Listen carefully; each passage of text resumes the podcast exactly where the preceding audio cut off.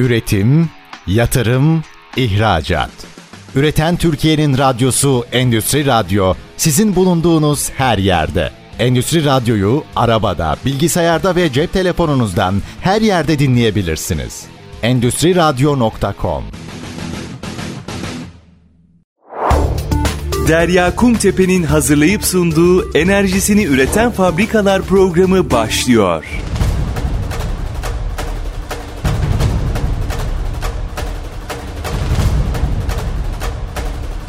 Enerjisini Üreten Fabrikalar programından herkese merhabalar. Ben Derya Kumtepe.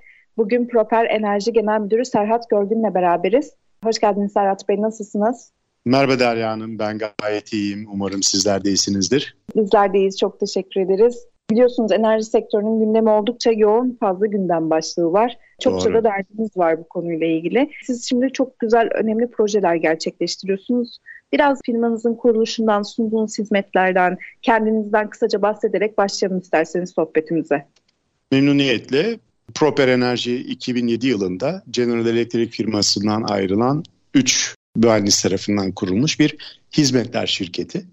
Temel olarak 4 iş kolunda faaliyet gösteriyor. Bunlardan birisi yenilenebilir enerji noktasında santraller kurmak ve bu santralleri işletilmesi. İkinci iş kolumuz bir herhangi bir endüstriyel tesisin relokasyonu yani bir konumdan başka bir konuma taşınması veya bu tesisteki herhangi bir ekipmanın montajı demontajı süreçlerinin yönetilmesi. Üçüncü işimiz ise tüm enerji santrallerinde doğalgaz olabilir, yenilenebilir enerji kullanan santraller olabilir ya da buhar tesisleri olabilir. Buradaki ekipmanların bakımı işlerini üstleniyoruz. Dördüncü işimiz ise ticaret. Bu noktada santrallerin ihtiyaç duyduğu yedek parça ya da benzer aksamların ticaretinin yapılması, dünyanın herhangi bir yerinden temini ve montajının yapılması işleri. Bütün bu işlerimizi de hali hazırda Amerika kıtasındaki bir e, Houston'daki şirketimiz Amerika'da, Afrika'da bir operasyonumuz var, Afrika kıtasını hedeflediğimiz. Dubai'de bir şirketimiz var, Orta Doğu bölgesini hedeflediğimiz ve Yakın Doğu'yu hedeflediğimiz Özbekistan ofislerimiz üzerinden hizmet veriyoruz. Bütün bu operasyonların merkezi de İstanbul, Türkiye. Siz ne kadar süredir Proper Enerji firması çatısı altında görev yapıyorsunuz? Kendinizden de kısaca bahsedebilir misiniz? Memnuniyetle. Ben iki yıla yakın bir süredir tüm operasyonların başındayım. Genel müdür olarak görev yapıyorum. Bütün dünya operasyonları Türkiye'den yönetiliyor ve Türkiye ofisinin başında ben varım. Buradan önce e, bir Alman şirketler grubunun CEO'suydum. Tranquilder adında yine bir hizmet sağlayıcı şirket idi. Onun öncesinde Borsa İstanbul'da bir 5 yıla yakın çalıştım. İlk aslında başladığım dönemde İMKB'ydi. Borsa İstanbul'a dönüşümü ve o süreçleri ekiple beraber yönetmiştik. Onun öncesinde Sabancı Holding'in bir erken aşama yatırım fonunun yöneticisiydim. Startup şirketlere ya da üniversite hocalarına, girişimcilere erken aşama yatırımlar yapan, onları büyütüp exitine doğru taşıyan bir yapının başındaydım. Onun öncesinde de Koç Holding'deydim. Koç Holding'in benzer bir Koç Bilgi Grubu çatısı altında yapılanmasını yönetiyor idim. E, kariyerime de öncesinde Microsoft Türkiye'de başladım. Koç Üniversitesi'nde MBA'im var. Onun öncesinde de Orta Doğu Teknik Üniversitesi işletme mezunuyum. Gerçekten çok başarılı bir kariyer geçmişiniz var. Çok güzel işler imza attığınızı görüyoruz, tahmin ediyoruz. Çok mersi, çok teşekkür ederim. Şimdi Proper Enerji de şu anda 30'dan fazla ülkede hizmet gösteriyor, hizmet veriyor. Siz şimdi global düzeyde bu kadar aktif çalışan bir şirketin genel müdürü olarak enerji sektörüyle ilgili yaşanan son durumu nasıl değerlendiriyorsunuz? Hem doğal gaz krizi yaşanıyor, diğer taraftan enerji arz problemi var. Malum artan bir enerji maliyeti giderleri de var. Doğru. Özellikle doğal gaz santrallerinde yaşanan durum nedir şu anda? Doğalgaz fiyatlarının bu dönemde beklenmedik şekilde artması tabii doğalgazla çalışan santrallerin fizibilitesini negatif yönde etkiledi. Bu da baktığımızda kömürle çalışan santrallere bir talep artmasını getirdi beraberinde. Rakamlara baktığımda Türkiye özelinde geçen sene kömürle çalışan santrallerin toplam üretime katkısı %35 mertebelerindeyken bu sene bugün itibariyle bu oran %44'e yükselmiş durumda. Yani yaklaşık %14'lük bir artışa denk gelen yaklaşık %14'e denk gelen bir kömüre talep bunun bir göstergesi. Diğer taraftan e, bazı ülkeler doğalgaza çalışan santrallerin kapasitesini sınırlamış iken buna yeniden yeşil ışık yakmak durumunda kaldılar. Örneğin Kaliforniya tamamen sadece yenilenebilir enerji yatırımlarına onay verirken bu gelişmelerden sonra doğalgazı da bu kapsamda doğalgaz yatırımlarına da onay vermeye başladı. Keza Avrupa'da da belli başlı ülkeler bu noktada adımlar atmak durumunda kaldılar. Yani yenilenebilirin tarifini genişlettiler.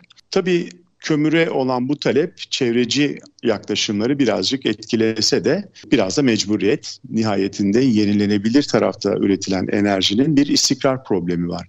Her zaman beklentileri karşılayacak değerlerde üretim yapmak çok kolay değil yenilenebilir tarafta. Bu problemi bertaraf etme noktasında doğalgaz, kömür kaçınılmaz olarak hayatımıza kalmaya devam edecek ama yenilenebilirin de bu anlamda desteklenmesi elzem olarak görünüyor. Tabii çok haklısınız. Şimdi hem bir taraftan doğal gaz santrallerinde yaşanan bir durum var. Diğer taraftan da siz büyük çaptaki santrallerin daha feasible şartlara sahip olan bölgeleri taşınması konusunda oldukça zor ve teknik bir birikim isteyen bir iş. Siz bu görevi yapıyorsunuz. Hem örnek projeler anlatmanızı isteyeceğim. Bu santralin taşıma süreci, sonrasında elde edilen verimlilik değerleri nasıl değişiyor? Bu büyük operasyonun tamamlandıktan sonra yatırımcılar nasıl sonuçlar elde ediyorlar? Tabii az önce sorduğunuz soruyla doğrudan alakalı. Bir coğrafyada bir girdi maliyeti beklenmedik ölçüde arttığında çıktının getirisi o oranda artmadığı vakit o santralin, o yatırımın fizibilitesi negatif yönde etkileniyor ve dolayısıyla santral çalışmaması daha anlamlı hale geliyor. Bu anlamda hem ülkemiz hem dünyanın birçok noktasında atıl durumda duran birçok santral mevcut. Bu santrallerin ekonomik ömrü devam ettiği noktada farklı coğrafyalarda fizibilitesini daha gerçekleştirebileceği coğrafyalarda çalışıyor olması daha anlamlı. Bu noktada da bizim gibi şirketler devreye giriyor ve o santrali bahsettiğim daha feasible coğrafyalara taşınması söz konusu oluyor. Bizim yaptığımız işte aslında bu. Atıl durumda olan bir ülkede, bir coğrafyada atıl durumda duran bir santrali olduğu gibi kablosundan vidasına, türbininden jeneratörünü tüm ekipmanlarıyla beraber söküp farklı bir sahada devreye almak. Bu oldukça önemli ve kritik bir planlama safhası, hazırlık safhası sonrasında ancak mümkün. Bu planlama sonrasında yapılan işlem sırasıyla mevcut lokasyondaki demontaj işlemleri, demonte edilen ekipmanların uygun, düzgün ve planlı bir şekilde paketlenmesi, bu paketleme akabinde nakliye süreçleri, nakliye sonrasında da ulaştığı ülkede bunun e, tekrar paketlerin açılması, monte edilmesi yeniden ve devreye alınması. Devreye alındıktan sonra da yeni santral sahibi ya da santrali mevcut sahibiyle yapılan anlaşma gereği de bunun işletilmesinin devamı. Anlatırken çok kolay gelse bile bu bir yılı aşan bir süreçten bahsediyoruz ve oldukça kritik. Her bir ekipmanın manueline uygun bir şekilde demonte edilmesi, monte edilmesi, paketlenmesi süreçlerini içeriyor. Temel hedef burada mevcut santrali, mevcut verimliliği paralelinde hatta belki bir takım bakımların, iyileştirimlerin yapılmasıyla beraber gittiği, ulaştığı ülkede daha verimli ya da en azından bir önceki verimini koruyacak şekilde devreye alınması işi. Biz bu anlamda en son geçtiğimiz sene Antalya'da 240 megawattlık bir santrali az önce dediğim gibi kabloları, vidası, türbini, jeneratörü vesaire bütün aksamıyla söktük ve olduğu gibi Özbekistan'da e, yeniden kurduk ve devreye aldık. Hala hazırda mevcut yatırımcısı bize en azından yansıdığı kadarıyla son derece mutlu ve mevcut santralin verimliliğinden ve Özbekistan ülkesinin e, otoriteleriyle yaptığı anlaşma vesilesiyle de oldukça karlı bir süreç yaşadığını rahatlıkla ifade edebilirim. Lafı geçmişken tabii ki birazcık da Özbekistan'dan da bahsetmek gerekiyor bu noktada. Önemli bir ülke özellikle enerji tarafında son dönemde oldukça yatırım alan bir bölge. Siz şimdi bir yıldır o bölgeyi yakından tanıyorsunuz, çalışmalar yapıyorsunuz, hatta ofisiniz bulunuyor. Biraz Özbekistan pazarından bahsedebilir misiniz? Özbekistan pazarı dediğiniz gibi çok bakir ve yeniliğe aç diyebileceğim seviyede bir ülke. Neredeyse e, çok fazla yatırımcı çekebilmiş bir ülke değil geçtiğimiz dönemde. Fakat son yıllarda özellikle Türk yatırımcılarının özellikle de Özbekistan devletinin davetiyle iştahını kabartan bir coğrafya. Sadece enerji anlamında değil ama enerji anlamında da benim bildiğim onlarca santral Türk yatırımcılar tarafından devreye alındığı işletiliyor ee, ve bununla beraber de Türk enerji sektörünü Türk yatırımcılarının bir domine etme durumu söz konusu. Bu bizim için heyecan verici ve o an anlamda Özbekistan bizim için de bir önemli bir market ifade ediyor. Ama bunun yanı sıra da Özbekistan bulunduğu coğrafya anlamıyla da bizim için Doğu Asya yakın doğu diyebileceğim coğrafyaya Türkiye Cumhuriyetleri açılma noktasında da önemli bir kapı. Türkiye'nin yaklaşık 30-40 yıl önceki haliyle mukayese edilebilecek bir yer iken çok hızlı bir şekilde bu arayı kapatan e, bizim ve bizim benzerimiz firmaların sunduğu bu hizmetlerle de enerji açığını kapatma noktası önemli atılımlar, adımlar atan bir ülke. Sizin tabii şimdi hem Amerika'da, Birleşik Arap Emirlikleri'nde ve Özbekistan'da da ofisleriniz bulunuyor. Bu global ölçekteki hedeflerinizle ilgili kısaca biraz giriş yapalım isterseniz. Sonra araya gideceğiz. Döndüğümüzde aynı sorudan devam edebiliriz. Tabii ki bizim Özbekistan'daki şirketimizin yanı sıra ki o e, Özbekistan'la dediğim gibi yakın doğuyu adresliyoruz. Texas'ta, Texas Houston'da bir şirketimiz var. Aynı zamanda orada bir joint venture kurduk. Lokal bir şirket ile %70'i bize, %30'u ortağımıza ait olan bir şirket ile bütün Güney ve Kuzey Amerika kıtalarına hizmet veren bir yapı kurduk. Az önce sıraladığım enerji sektöründeki tüm hizmetlerimizi Amerika kıtasına taşıma noktasında bir girişim bu. Çok eşi benzeri olmayan bir yapılanmaya gittik. Enerji hizmetleri noktasında one stop shop diyoruz bu yapılanmaya. Bir santralin ekonomik ömrü müddetince ihtiyaç duyabileceği her türlü hizmeti sağlayan bir yapılanmadan bahsediyorum.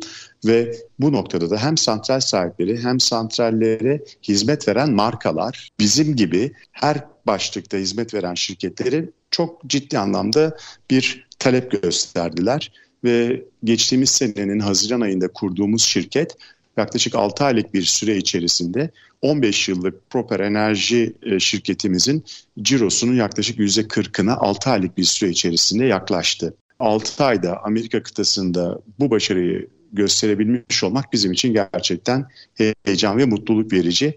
Bu senede bu başarının devamını planlıyoruz. Amerika kıtası yanı sıra bizim Afrika kıtasında bir kardeş şirketimiz var.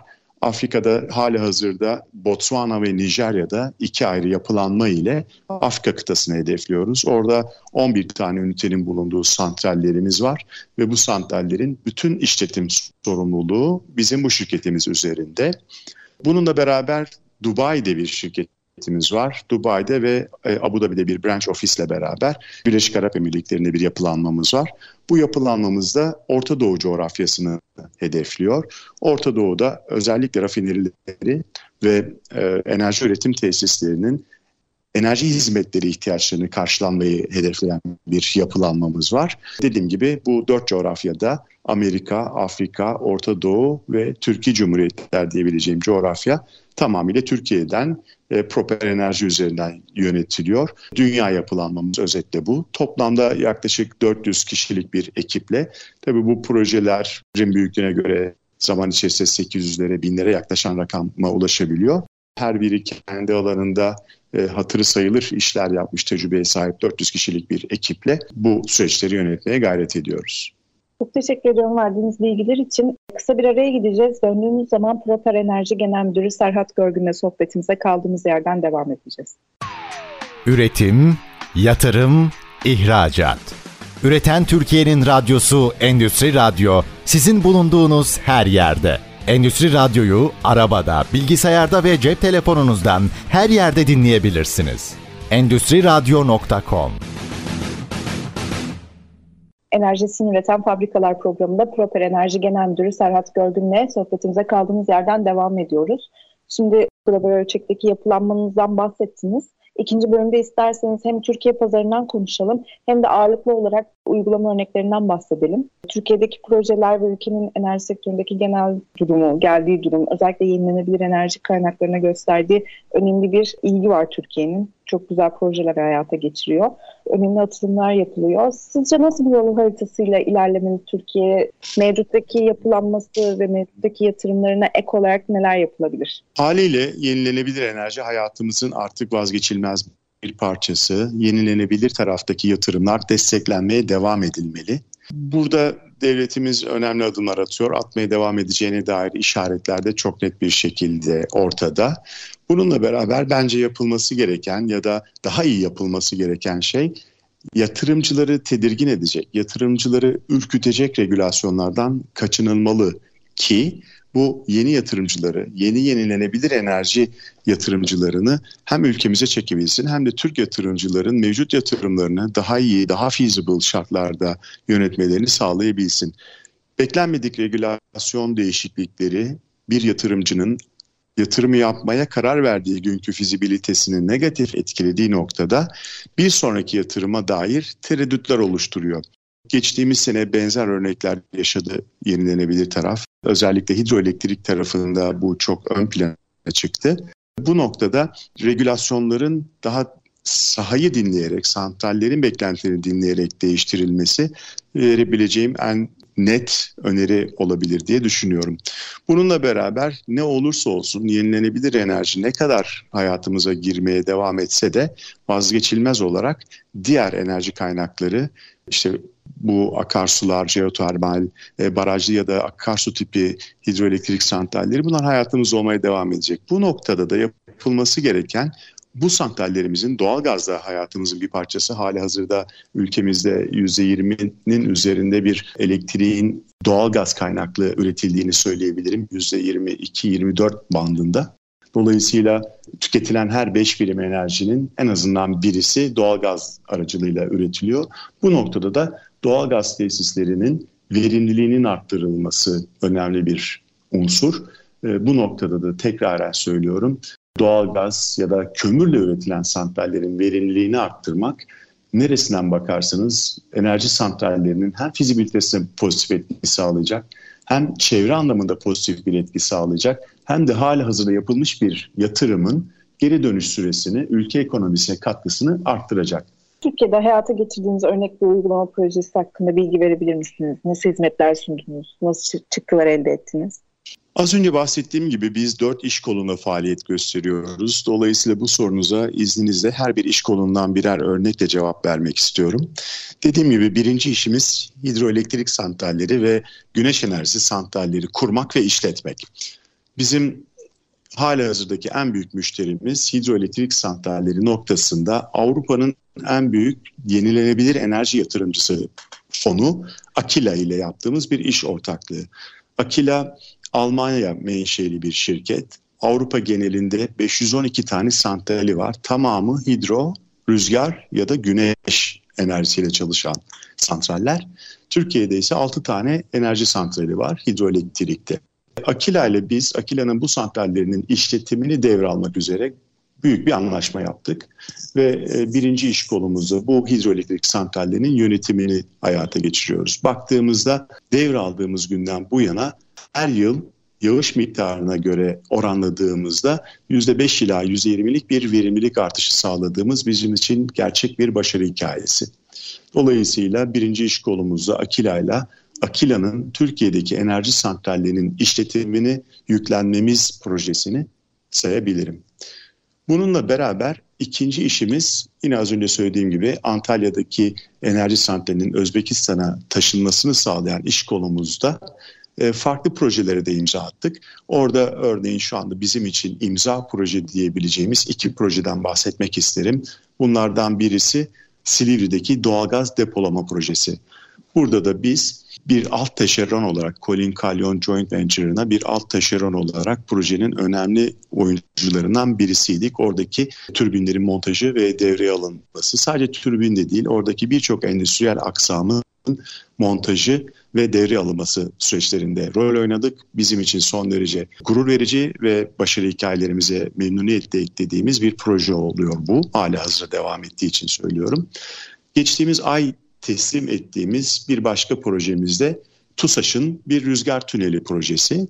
Burada da yaptığımız iş olarak ifade edeceğim şey TUSAŞ'ın beklentisi aslında bu proje sonucunda uçakların ya da insansız hava araçlarının prototiplerinin test edildiği bir merkez inşa etmek. çeşitli hava koşullarında ve prototipin bulunduğu seviyeyi test edebileceği ya da iyileştirme alanlarını tespit edebilmek için yapılması gereken bir yatırım. Bir hava şartlarının bir şekilde örnek olarak hayata geçirildiği farklı hava şartlarında bu insansız hava araçları ya da uçakların vereceği tepkileri ölçmeyi sağlayan bir tesisten bahsediyorum. Biz yine bu tesiste önemli bir proje olduğunu düşünüyoruz ve bunun da başarı hikayelerimizin en üst seviyelerde olan bir proje olarak listemize ekledik. Bununla beraber birçok Türkiye'de ya da coğrafyamızda yaptığımız bakım ve devre alma hizmetlerimiz oldu. Buna dair de verebileceğim bir örnek oldukça büyük e, kaps yani aslında bizim hizmetlerimiz 4 megawatt ile 660 megawatt arasındaki türbinlere hizmet verebilmek diyebilirim yaptığımız işi. Burada da Türkiye'de birçok marka ya daha doğrusu markadan bağımsız majör ve minör bakımlar gerçekleştirdik. Buradaki maksadımız da az önce söylediğim gibi enerji santrallerinin verimliliğini arttırmak ve plansız duruşlardan ya da arızalardan santrallerin kaçınmasını sağlamak idi. Bu anlamda da dediğim gibi Türkiye'de 650 megawatt ve üzerinde 3 tane santralin majör ve minör bakımı işlerini geçtiğimiz sene gerçekleştirmiş olduk. Evet şimdi bu özellikle buhar türbin bakımı kısmını birazcık açalım isterseniz. Çünkü bakım ve onarım hem sistemdeki verimliliği oldukça arttırıyor hem de yatırımcıların düzenli olarak takip etmesi gereken bir konu olarak öne çıkıyor. Doğru. Yani bakımlar konusunda sağdan sizin yaptığınız görüşmeler nasıl gidiyor? Bakımla ilgili çünkü yenisini satın almak tabii ki de yeni teknolojiler ilerliyor ve yeni ekipmanlarla ilgili değişimler yapılıyor ama diğer taraftan da sadece türbin anlamında değil makineyi de düşünebilirsiniz. Bütün aksamlarla ilgili düzenli olarak bakımlarının yapılması lazım. Bununla ilgili bilinçler ne düzeyde? Siz türbin anlaşmaları, bakım konusundaki anlaşmalar yaparken masaya hangi gündem maddeleri geliyor? Bunu hidroelektrik tarafını ayrı tutarak cevaplandırıyorum. Çünkü bu bilinç henüz akarsu tipi ya da barajlı hidroelektrik santrallerinde yeterli seviyede olduğunu görmüyoruz. Fakat onun dışında buhar ya da doğalgaz santralleri ya da kömürle çalışan santrallerdeki buhar türbinlerinin e, bu kapsamda değerlendirmeliyiz. E, bu bilinç oturdu diyebilirim. E, aslında bunu şöyle bir analojiyle anlatmak çok e, daha kolay oluyor. Hep yani bir arabamız olduğunu varsayalım ve bu arabamızın hayatımızdaki önemini e, bir enerji santralinin ürettiği enerjiyle mukayese edilemeyecek seviyede düşük olmasına rağmen bir arabamızın bakımı geldiğinde işimizi gücümüzü bırakıp arabayı bakıma götürüyoruz. Neden? Bir dediğim gibi bir takım problemlerden kaçınmak, bir ihtimal yolda kalmasını riskini ortadan kaldırmak. Fakat bunun enerji santrali seviyesindeki bilincinin oturması noktasındaki karşılığı çok daha önemli. Bir koskocaman bir santral 100 milyonlarca dolar mertebesine bir yatırım ve bunun belli bir süre durmasının ekonomik karşılığı mukayese kabul etmeyecek kadar büyük. Dolayısıyla da planlı bakımların yapılması bu anlamda son derece önemli. Yani bir santral yatırımı, bu yatırımın geri dönüşü ve fizibilitesiyle ilgili yapılmış bir planlama ve bu planlamaya sekte vuracak herhangi bir problemin ortadan oluşmadan kaldırılması. Bakımın temel mantığı bu. Bununla beraber de yine aynı şekilde fizibiliteye döndüğümüzde bir santralin fizibilitesi gereği üretmesi gereken bir miktar enerji var ve bu enerji o veya bu sebepten üretilemiyor ise bu ancak ve ancak bakımlarla giderilebilir. Dolayısıyla bu sorunuzun yanıtı iki şekilde bir santralin ekonomik ömrü boyunca beklenen enerji üretmesini sağlamak noktasında bir cevap. İkincisi ise santralin beklenmedik duruşlara karşı önleminin alınması noktasında bir cevap. Bu iki başlık oldukça kritik ve Türkiye'de bu sadece Türkiye'de değil bütün dünyada bakım bilincinin oturması için vazgeçilmez olarak bu iki cevap yeterli olacaktır diye düşünüyorum. Çok teşekkür ediyorum. Bu arada Dubai'deki bir projeden bahsettiniz. Orada da bir rehabilitasyon projesi vardı. Doğru. Şöyle ifade edeyim. Aslında Irak Savaşı zamanında Amerika hükümetinin Irak'ta kurduğu 11 tane General Electric türbininin Dubai'ye taşınması ve Dubai'de atıl vaziyette duruyor olmasıyla başlayan bir iş. General Electric firması bu türbinleri dünyanın farklı noktalarında yeniden ticari değerlerine ulaştırma noktasında bir inisiyatif alıyor ve girişim başlatıyor. Çok uzun süre yaklaşık 10-12 yıl süresince hiçbir şekilde bakımı yapılmamış, atıl vaziyette duran bu ünitelere biz Dubai'de önemli bir proje başlatarak bakımlarını yaptık. Tekrar çalışır vaziyete gelmelerini sağladık ve General Electric bu türbinleri dünyada işte e, Meksika'da birkaç projede, Amerika'da, Yunanistan'da, Girit Adası'nda farklı noktalarda müşterilerine bu üniteleri satmasını sağladık. Bu hala hazırda devam eden bir proje. Son fazı önümüzdeki hafta başlayacak. Bizim yaptığımız işlemse dediğim gibi yıllarca atıl vaziyette kalmış, kullanılmamış bir ekipmanı, türbini yeniden kullanılabilir hale getirdik. Hatta bunları alıp örneğin Meksika'da tekrardan hayata geçirdik, devreye aldık ve yeniden ekonomik ülke ticaretlerine katkı sağlamasını temin ettik. Gerçekten çok güzel bir proje. Geri dönüşler nasıl oldu peki? Proje tamamlandığı zaman nasıl feedbackler aldınız? Açıkçası özellikle Meksika'da kurduğumuz santral yani Dubai'de refurbish ettiğimiz ekipmanları gidip Meksika'da kurduk ve Meksika'da bu kuruluşları oldukça hızlı bir şekilde oldukça zor koşullar altında yani 65 derece sıcaklıkta bir sahada kurulumları gerçekleştirdik ve beklentiden yaklaşık üçte birlik bir kısa zaman içerisinde bu işlemleri hayata geçirdik ve sonucunda da General Electric firmasından önemli bir bizim için son derece manevi değeri yüksek bir teşekkür belgesi aldık. Bizim için General Electric önemli bir partner. Dünyanın herhangi bir noktasında herhangi bir Electric kuruluşundan, kurumundan böyle bir teşekkür bizim için hani maddi değeri mukayese edilebilecek kadar yüksek bir katkı diyebilirim. Çok güzel olmuş gerçekten. Kısa bir araya gidiyoruz. Proper Enerji Genel Müdürü Serhat Görgün'le sohbetimize kaldığımız yerden devam edeceğiz. Birazcık daha yenilenebilir enerji kaynakları konuşacağız aslında yeni ikinci bölümde. O tarafta yapılan projeleri biraz değerlendirmek istiyorum ben. Programın ismi Enerjisini Üreten Fabrikalar. Fabrikaların nasıl dertleri var? Tesisleri genel anlamda düşünürsek neler yapmak gerekiyor? Bu sorularla Serhat Bey karşısında olacağım. Üretim, yatırım, ihracat. Üreten Türkiye'nin radyosu Endüstri Radyo sizin bulunduğunuz her yerde. Endüstri Radyo'yu arabada, bilgisayarda ve cep telefonunuzdan her yerde dinleyebilirsiniz.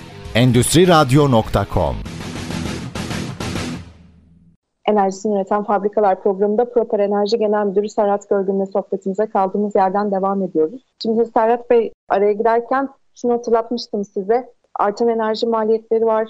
Tesisler, e, özellikle fabrikalar kendi enerjisini üretebilmek için önemli yatırımlar gerçekleştiriyorlar. Siz şimdi çok büyük çapta enerji santrallerine çözüm üretiyorsunuz ama bu konuyla ilgili görüşlerinizi de bir öğrenmek istedim. Sadece fabrikaları da düşünmeyelim. Diğer tarafta binalar var. Kesintisiz enerji ihtiyacına sahip olan hastaneler, AVM'ler ve oteller var. Siz bu durumu nasıl değerlendiriyorsunuz bu önemli gelişmeyi? Kesinlikle son derece kritik bir nokta. Fabrikaların ve dediğiniz gibi genel itibariyle tesislerin, binaların kendi enerjisini üretiyor olması birçok noktada hem ülke ekonomisine hem de tesis sahibine önemli artılar sunan bir açılım. Baktığımızda elektrik fiyatlarındaki dalgalanmalardan tutun da bazı noktalardaki olası kesintilerin fabrikanın ya da tesisin işletmesine, operasyonlarına verebileceği zararları ortadan kaldırma noktasında son derece kritik, oldukça da ekonomik anlamda önemli, feasible bir yatırımdan bahsediyoruz.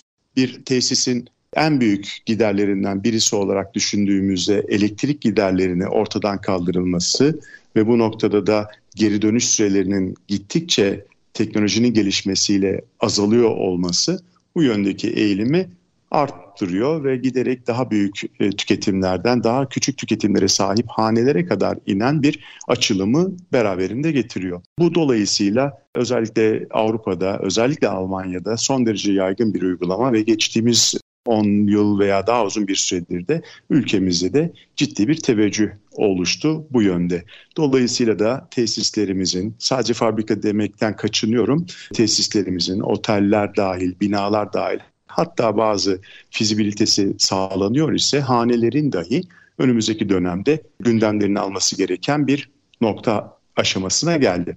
Bizim bu anlamda işbirliği içerisinde bulunduğumuz Türkiye'de belli bir oteller zinciri var. Biz bu oteller zincirinin mevcut tüketimlerini dediğim gibi hem elektrik fiyatlarından ki olası dalgalanmalardan bu tesisi kurtarmak, riski bertaraf etmek ve bununla beraber de ekonomik anlamda tesise bir artı değer yaratma noktasında bir işbirliği başlattık ve şu anda 3 megawattlık bir projeyi bir oteller zincirinin kullanımına sunmak üzere projemiz devam ediyor. Türkiye'de yeni çıkan bir regülasyonla artık yatırımı herhangi bir lokasyonda yapabilirsiniz ki e, bizim projemizde aynı şekilde otel deniz kenarında fakat yaptığımız solar panellerinin bulunduğu santral başka bir şehirde başka bir trafoya bağlanıyor.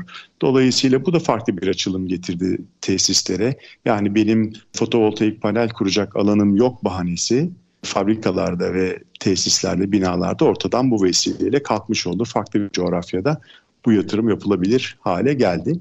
Dolayısıyla bu bahsettiğimiz konu hem tesisin operasyonu hem fizibilitesi hem de e, bir takım özellikle elektrik fiyatlarındaki risklerden bertaraf kılınması noktasında oldukça önemli bir açılım.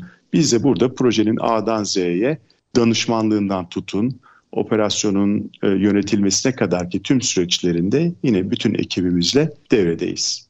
Bahsettiğiniz yasal düzenleme gerçekten çok önemli bir gelişme oldu. Çünkü herkes bu düzenlemenin önüne çıkmasını bekliyordu. Bu sayede yatırım yapamayan birçok yatırımcının da iştahı açılmış oldu tekrardan. Doğru. Bir de tabii ki sektörün önemli gündem maddesi hibrit enerji santrali. Siz hidroelektrik santrallerine hizmet veriyorsunuz ve oradaki açığı kapatmak adına artık güneş enerjisiyle desteklenebiliyor. Hibrit enerji santrali de sektörün beklediği önemli bir gelişmeydi. Siz bu tarafı nasıl yorumluyorsunuz? Dediğiniz çok doğru. Bir enerji santralimiz var diyelim ki ve bu santralin lisansı ya da kapasitesi 100 birim. Fakat bir şekilde biz o 100 birimi yakalayamıyoruz, dolduramıyoruz. Dolayısıyla sahip olduğumuz bir hakkı kullanamıyoruz. Bu bahsettiğiniz regülasyon bu hakkı kullanabilme imkanı tanıdı ve hibrit santraller oluşmaya başladı. Biz de kendi şu anda işletimini yaptığımız 9 santralimizin buna aday olabileceklerinde aynı projeyi başlattık. Şu hali hazırda iki santralimizi hibride dönüştürme noktasında çalışmalarımız sürüyor. Bu da hem hidroelektrik santrali Aynı zamanda da bir solar enerji, güneşten enerji üreten bir santral yani hibrit santral yaratma noktasında yatırımcılara çok büyük bir imkan sağladı. Biz de bu imkanı hem kendi santrallerimizde hem de potansiyel müşterilerimizin santralini devreye geçirmek üzere pozisyon aldık ve iki örnek projeyi de hala hazırda hayata geçiriyoruz. Sizi yakalamışken bir de teknolojik gelişmelerden de bahsetmek istiyorum ben. Birincisi enerji depolama teknolojileri. Şu anda sektörün bütün gözü kulağı orada ve daha feasible bir yatırıma dönüşebilecek mi? Özellikle güneş tarafında depolamalı santraller kurulabilecek mi yeni dönemde? Bu bize özel bir açılım değil bütün dünya birçok ARGE merkezi hali hazırda bu konuda çok yoğun yatırımlarla çok büyük çalışmalar yapıyorlar. Dediğiniz çok doğru hem rüzgarda hem güneşte hatta hem de hidroda üretilen enerjinin doğru zamanda satışı son derece önemli bir nokta. Yani siz ne kadar güneş olursa olsun o üretilen enerji ya da ne kadar su olursa olsun, ne kadar rüzgar olursa olsun o üretilen enerjiyi gerçekten ihtiyaç olan zamanda ihtiyaç duyan kişiye ulaştıramıyorsanız ekonomik anlamda bir değeri yok. Son derece ihtiyaç duyulan bir andaysa rüzgarın ya da güneşin ya da suyun akacağının da bir garantisi olmadığından temelde enerji depolama teknolojileri son derece kritik bir şekilde hayatımıza girmeli, girecektir de. Teknolojinin geldiği noktada önemli adımlar atıldı, atılıyor bu noktada teknolojik gelişmeler noktasında şu anda uygulanabilir seviyede çok bir teknoloji olduğunu görmüyorum. Ama bunun yapılan ARGE çalışmalarına, yapılan ARGE yapılan yatırımlara baktığımda önümüzdeki dönemde hayatımızın vazgeçilmez bir parçası olacağına da şüphem yok. Diğer taraftan bizim de bir parçası olduğumuz Silivri'deki gibi, Tuz Gölü'ndeki gibi doğal gaz depolama alanları da bu amaçla aslında bir nevi enerji depolama sistemlerinin bir türevi şeklinde de yorumlanabilir. Bu noktada da yine birçok gelişme önümüzdeki dönemde hayatımıza giriyor olacak. Enerji depolama dışında da sizin yaptığınız operasyonlarda yaşamınızı ve verimliliği kolaylaştıran teknolojik gelişmeler var mı? Tabii ki var. Enerji hayatımızın bu kadar önemli bir parçası iken ve bu kadar büyük yatırımların yapıldığı bir dünya iken orada en ufak yüzde yarımlık, yüzde birlik yapılabilecek verimlilik artışları, teknolojinin gelişmesiyle yapılabilecek verimlilik artışları son derece ekonomik anlamda kritik bir hal alıyor. Dolayısıyla da burada ARGE'nin ve geliştirme çalışmalarının artacağına şüphem yok. Biz bu anlamda geçtiğimiz sene yine çok büyük bir doğalgaz dönüşüm santralinde yaptığımız bakım ve bir teknolojik upgrade sayesinde %5'lik bir verimlilik artışı yakaladık. Bu teknolojik upgrade'in yani %5 bakıldığında 600 megawattlık bir santralde çok büyük bir ekonomik değere sahip bir teknolojik iyileştirme. Bu açıdan baktığımızda çok eski teknolojilerin kullanıldığı doğalgaz santrallerinde ya da kömür santrallerinde, buhar türbinlerinin kullanıldığı santrallerde bu seviyede bir verimlilik artışı gerçekten çok önemli. Bu artışı adresleyecek ARGE çalışmalarına da dolayısıyla önümüzdeki dönemde hız verilmeye de devam edeceğini görüyorum. Diğer taraftan programın sonuna doğru yaklaşıyoruz. O yüzden sizden bir genel itibariyle yeni dönem 2023 yılı ile ilgili bir iş gündemimizi öğrenmek isterim. Yeni dönem hedefleriniz ve projeleriniz neler olacak? Bu soruyu iki şekilde cevaplandırabilirim. Ülkemizde, Türkiye'de yapmayı hedeflediklerimiz ve yurt dışı planlarımız şeklinde. Türkiye'de hidroelektrik tarafında, hibrit santraller tarafında, fotovoltaik santraller kurulması tarafında büyük bir heves ve iştahla büyümeye devam edeceğimizi söyleyebilirim. Bununla beraber global ölçekte özellikle Amerika kıtasındaki girişimimizin devamı, özellikle Afrika kıtasında hala hazırda başlattığımız çalışmaların devamı noktası bize son derece heyecan veriyor. Bununla beraber Avrupa'da bir Akila ile var olan işbirliğimizi genişletmek 2023 senesinin bizim adımıza en büyük açılımlarından birisi olacağını umuyoruz. Şu anda Akila'nın Türkiye'deki 6 santralini yönetiyorken Avrupa'da 500'ün üzerindeki santraline destek vermeye çabalıyoruz. 2023 yılının da bizim adımıza Avrupa'da böyle bir açılıma gebe olduğunu söyleyebilirim.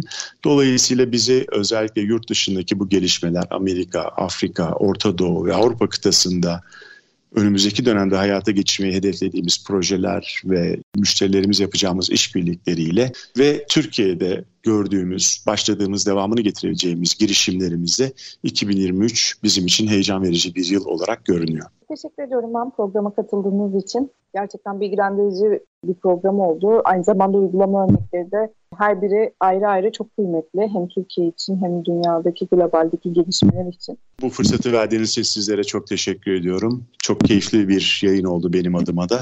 Eksik olmayın. Çok teşekkür ediyorum.